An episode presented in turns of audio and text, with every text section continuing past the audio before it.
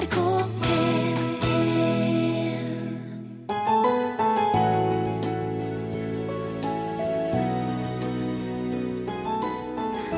Det er ingen som er bedre enn noen annen, men det er ingen som er semre enn noen annen heller, på et vis.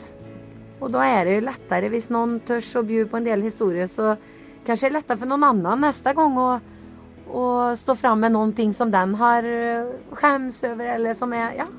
Anna her, hun står på scenen i en badedrakt som er to-tre nummer for liten. Magen tyter ut, og publikum hyler av latter når hun deler av de mindre vellykka scenene som har spilt seg ut i hennes liv. Anna er en av dagens aktører på vår scene. En annen er Ellen. Hun tenker på gener hele tida. Det er også jobben hennes. Kanskje jeg er født uten gener for Guds tro. Jeg vet ikke om jeg tenker at evig liv etter døden er liksom er, Jeg setter litt sånn litt stress og at det aldri er slutt, på en måte. Skjønner du? Du hører på Mellom himmel og jord i NRK P1.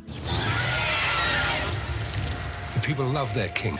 Kjenner du til Game of Thrones? En uhyre populær TV-serie som fryktelig mange går og venter på skal lanseres med fjerde sesong akkurat nå. I denne serien så spiller Peter Dinklage, en kortvokst skuespiller, en av de aller viktigste bærende rollene. Dette er trolig den mest nøytrale og minst stigmatiserende framstillinga av en kortvokst på film. Det sier vår gjest, som forsker på framstillinga av folk med uvanlige kropper. Det her viser, sier han, at noe har skjedd med vårt syn på nettopp kortvokste, blinde, folk som trenger rullestol osv. For i riktig gamle dager så var jo det å få et funksjonshemma barn regna som en straff fra gudene. Vi trekker en linje opp gjennom historien litt seinere i sendinga. Åpen og sårbar er den nye trenden, har vi hørt denne uka her. Og vi har sett flere eksempler på uvanlig åpenhjertige ytringer fra folk som vanligvis representerer det korrekte i det siste. På Dagsrevyen denne uka her, f.eks. Når min far døde, så hadde jeg mye som var usagt. Mye som ikke jeg forsto, og mye som jeg kunne klandre meg sjøl for. Som liten så følte jeg alltid at jeg hadde noe annet å skjule. Kronprinsessa snakka åpent og uredd om det å vokse opp med en far som lå under for alkoholen. Libe Riber-Moen fortalte nettopp om sin barndom med overgrep, og Tuva Fellmann, som er en for mange kjent stemme fra P3, hun tok sats og snakka om det kvinner ikke snakker om, nemlig sin egen abort. Det å ha tatt to aborter, eh, ikke bare tatt én, men, men å virkelig ha liksom har gjort det en gang til, det å, det å, å altså misforstå meg rett, det å drite seg ut én gang er jo noe alle kan gjøre, men så tenkte jeg at det å gjøre det to ganger, det, liksom, er det mulig, tenkte jeg. Første gangen hvor jeg skulle ta abort, så følte jeg jo at jeg, liksom, jeg fikk større pupper, og jeg ble liksom kjente at det var noe, da. Eh, og den, den følelsen er veldig sånn Jeg, sy jeg syns det var veldig vanskelig å kjenne på, for det blir liksom så innmari minnet på hva du skal gjøre.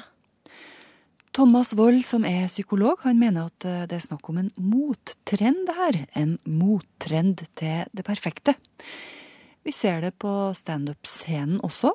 Her begynner det vel rett og slett å bli ganske vanlig å sette opp forestillinger om sin egen begredelighet. Ja, jeg heter Anna. Og jeg er svensk. Men jeg bor her i Trøndelag. Dette er Anna Estenstad, trebarnsmor og helsekostinnehaver i Trondheim, som akkurat har løst en gryende 40-årskrise ved å kaste seg uti som revystjerne i eget standup-show, med et friskt utvalg av selvopplevde historier, mange av dem av pinligste sort. Jeg ser hun bøyer meg mig mot bassängkanten Sing låre, hull i rumpa, rumpa, Hun står på scenen i en altfor trang badedrakt og gjør ingen forsøk på å skjule magen. Hun byr på seg selv. Misærer og pinligheter som andre kanskje ville prøve å skjule, brettes ut så publikum gir seg enda over.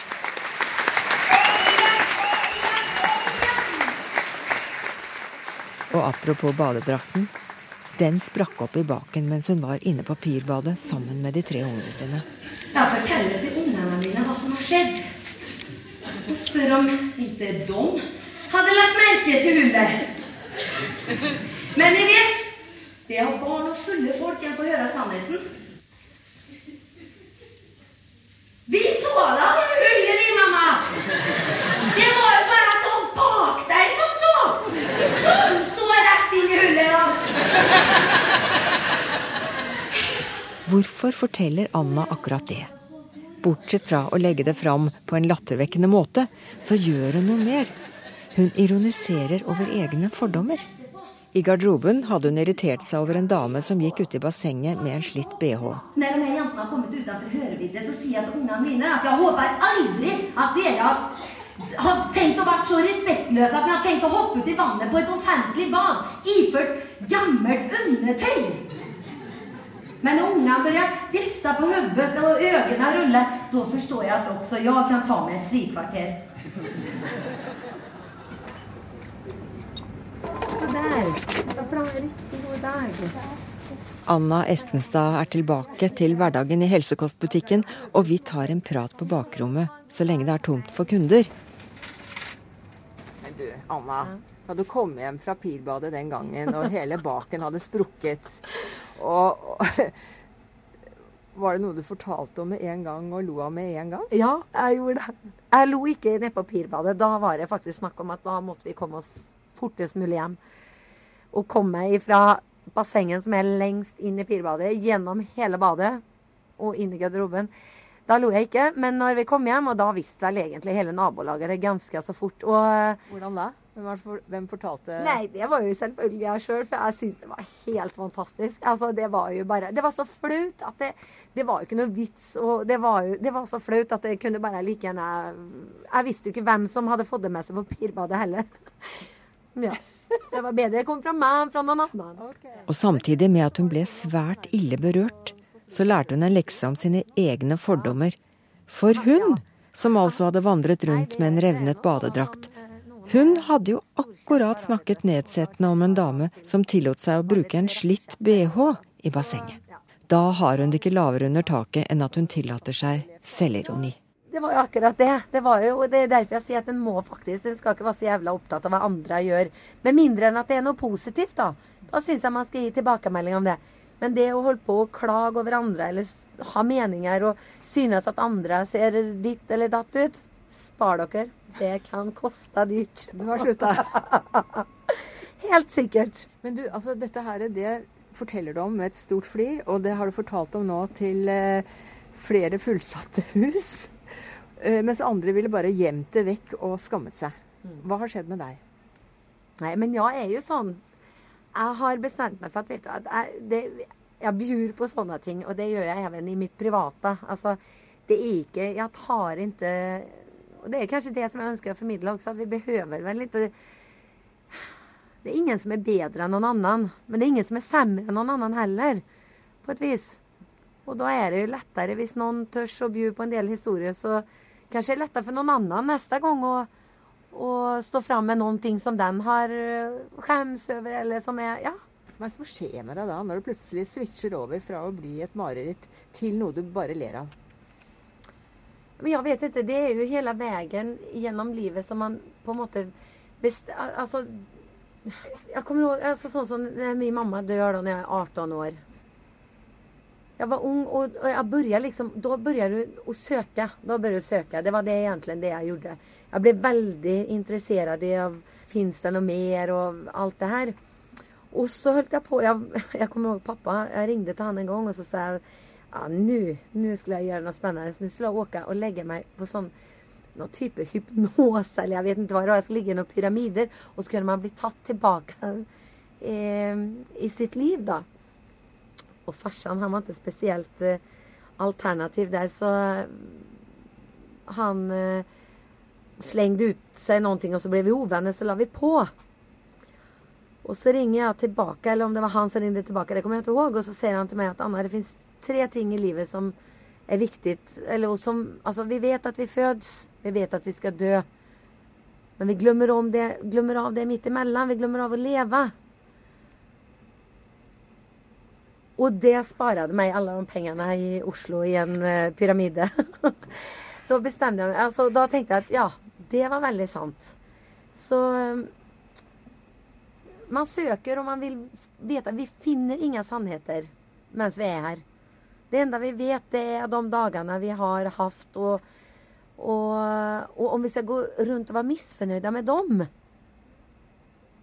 så kommer vi aldri framover, for vi vet jo ikke hva neste dag gjør for noe. Eller dagen etter det. her.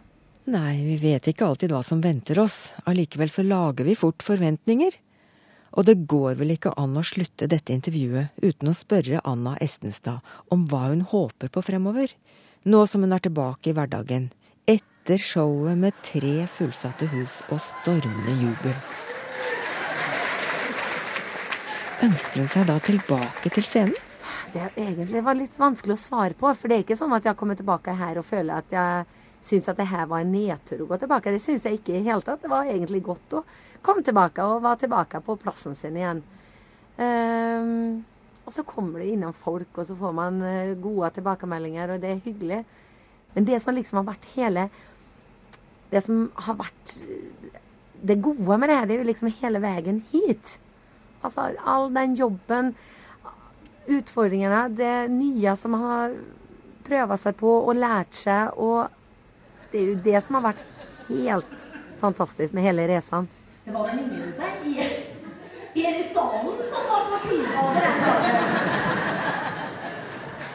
Og det er vel når vi kjenner oss igjen at vi ler og klapper mest, kanskje. Så alt tyder på at det er behov for de her avsløringene fra våre liv selv om vi jo burde vite at vi strir med et eller annet, alle som én, så må det snakkes om.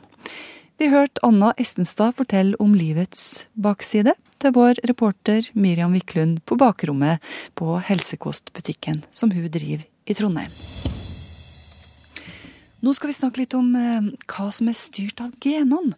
Vi har hørt at hvor mye man spiser, hvor fort man legger på seg, om man har lett for å bli nikotinavhengig, eller om man er mest glad eller mest trist, er styrt av genene. Det er det i hvert fall noen som mener. Og nå har Folkehelseinstituttet lagt fram en studie som viser at genene er med på å bestemme om man er uføretrygda.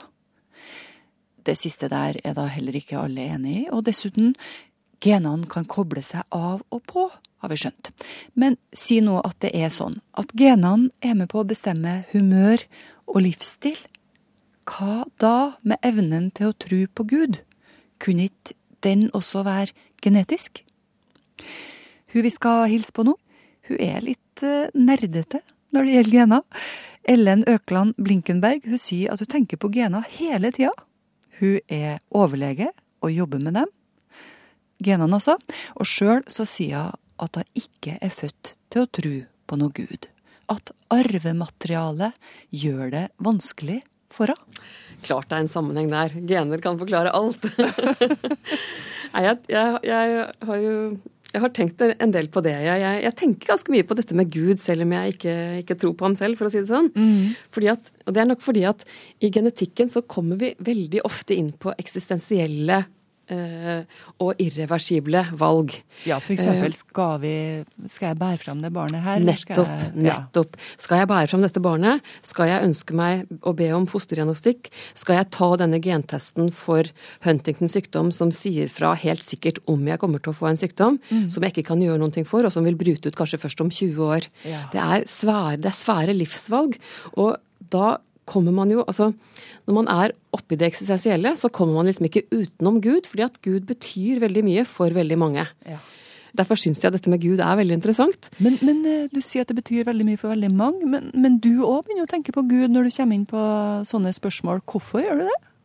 Jo, for jeg tenker litt Jeg prøver å, prøver å finne ut av hva, hva, er det som har gjort gitt oss denne forestillingen om Gud. Jeg, jeg, tror jo, siden jeg ikke tror på Gud som en sånn Eh, ja, en sånn mann i himmelen med, med, grått skjegg, eller en sånn utenomjordisk kraft, liksom, så, så, så, tror jo jeg kanskje heller at Gud er en menneskelig egenskap. Da. At jeg tror at, um, at den evnen til å tro på Gud tror jeg kanskje kan være genetisk. Og det trenger ikke å være noe sånn spesifikt som et gudsgen, det tror jeg ikke, men kanskje mer gener for åndelighet og altruisme, kanskje. Noe sånt. Og så kan det kanskje bli litt tilfeldig hva man lander på, om det blir liksom Gud eller astralsteiner, eller hva det heter. Altså, eller kommunisme. Ja, eller kommunisme. Nettopp det å kanskje hengi seg til eh, mm. noe som er liksom litt større enn en selv. Nå, nå er kommunisme kanskje ikke Jo, det er vel større enn en selv, det også, men men jeg syns det er interessant nettopp det at på tross av opplysningstid og en masse innsikt som vi nå får ikke sant, i mm. moderne tider, mm. så har liksom gudstroen holdt seg. ikke sant? Det er jo nyreligiøse bevegelser både her og der. Så altså dette med Gud har åpenbart ikke gått ut på dato, da. Gud er til stede i manges liv, det er helt klart. Ellen lurer altså på om genene bestemmer om vi tror på Gud eller ikke. Hun har skrevet bok om gener, min DNA-bok, og her har hun laga sin egen utgreiing om gudstru.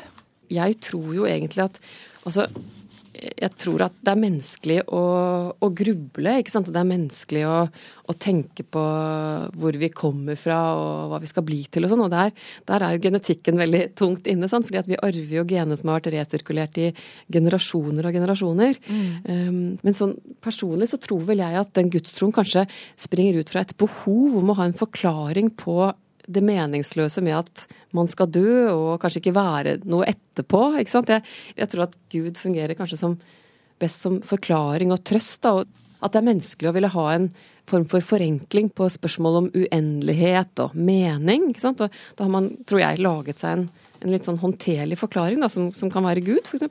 Men øh, kan det være at, øh, at vi lager den forklaringa fordi Gud fins? Det veit jeg jo ikke.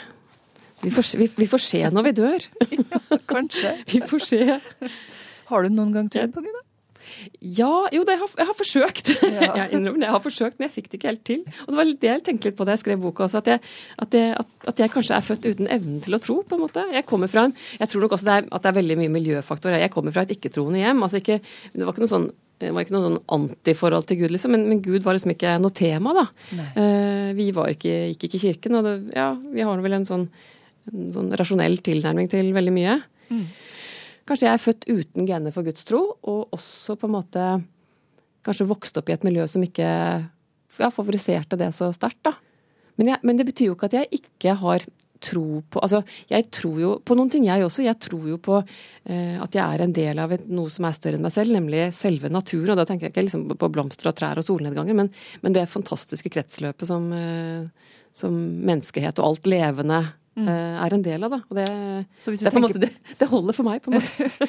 så hvis du tenker på ditt liv etter døden, så handler det om å bli en del av det kretsløpet? Eller fortsatt være en del av det kretsløpet, eller? Ja, altså, jeg, jeg, tror vel heller ikke at, liksom, at, at, sjelen min skal leve videre. Jeg, altså, men det der, det der, vet man jo ikke. Det er jo umulig å vite, liksom. Jeg, men jeg tror jo liksom at, at, at mennesket, eller kroppen Ellen, blir løst opp i sine enkelte molekyler, og så går, inngår jo de og blir til næring for ja, blomster og trær på kirkegården, kanskje da i første omgang. Men, men for meg er det naturlig og fint. og og det holder? Måte, ja, og det holder. Og så tenker jeg at faktisk at det er kanskje godt med en avslutning også. Jeg vet ikke om jeg, jeg, vet ikke om jeg tenker at evig liv etter døden er liksom er, Jeg setter litt sånn litt stress og at det aldri er slutt, på en måte. Skjønner du? ja. Ja, det sier Ellen Økland Blinkenberg, overlege ved Senter for molekylær genetikk ved Haukeland universitetssykehus. En dag da jeg var på Priksen for å kjøpe brød, så passerte jeg ei ung kvinne med langt, bølgete, gyllent hår ved kjøttdisken. Hun sikta seg inn mot uh, skinkepakkene, som hang uh, sånn ca. 160 cm over bakken, kanskje. Klatra opp på ei list som uh, er festa til disken. Tok pakken og klatra ned igjen. Det her har hun gjort før. Det satte i gang noen tanker til meg. Jeg har aldri sett en kortvokst i mitt virkelige liv. Verken på jobben, på butikken, på legekontoret eller i skogen. Men på film. Jeg ville aldri sagt uh, ja til f.eks. å bli med i 'Snøhvit i de sydverger'. Mm. Jeg ville aldri sagt ja til en sirkusjobb, f.eks. Mm. Og det er ganske enkelt fordi at uh, da føler jeg at vi går bakover i historien. Det sier Vidar Leto, komiker, skuespiller, musiker, lærer. Vidar er 128 cm høy. Du har kanskje sett den i Hotell Cæsar eller i The Voice, eller sammen med Turboneger på scenen. Han har sagt nei til mange rare forespørsler, Vidar, fordi han også vil at vi skal nyansere vårt syn på kortvokste. Å spille dverg i en Snøhvit-oppsetning, det ville være å fyre opp under de gamle forestillingene, sier han. Hvordan var så de gamle forestillingene? Hvis vi tenker sant, kjempelangt tilbake til gresk og romersk og til antikktid, mm. så tror jeg vi har hatt en sånn idé fra gammelt av om at det er ofte gudenes straff som er på, på ferde når noen ser, ser, annerledes ut. Og vi har tenkt i, i sånn veldig teologiske og veldig religiøse og i moralske termer at det må være en, må være en grunn. Jan Grue han har forska på nettopp vårt syn på funksjonshemmede.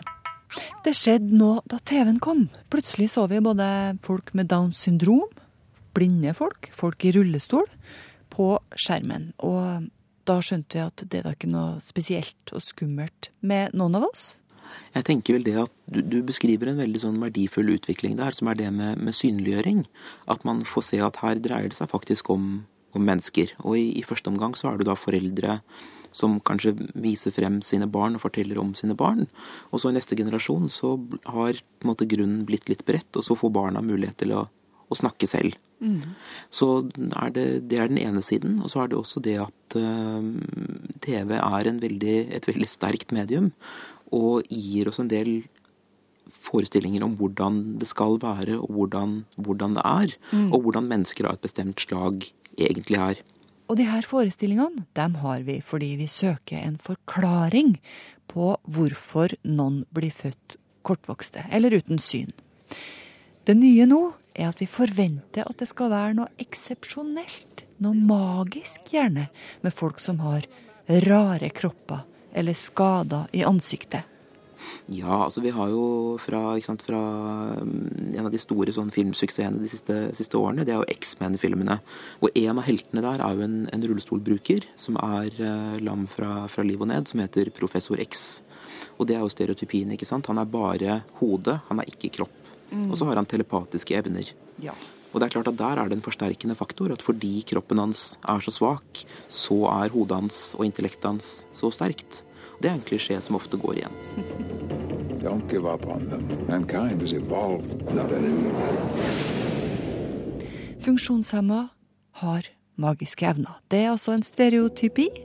En annen finner vi i en realityserie fra det huset her.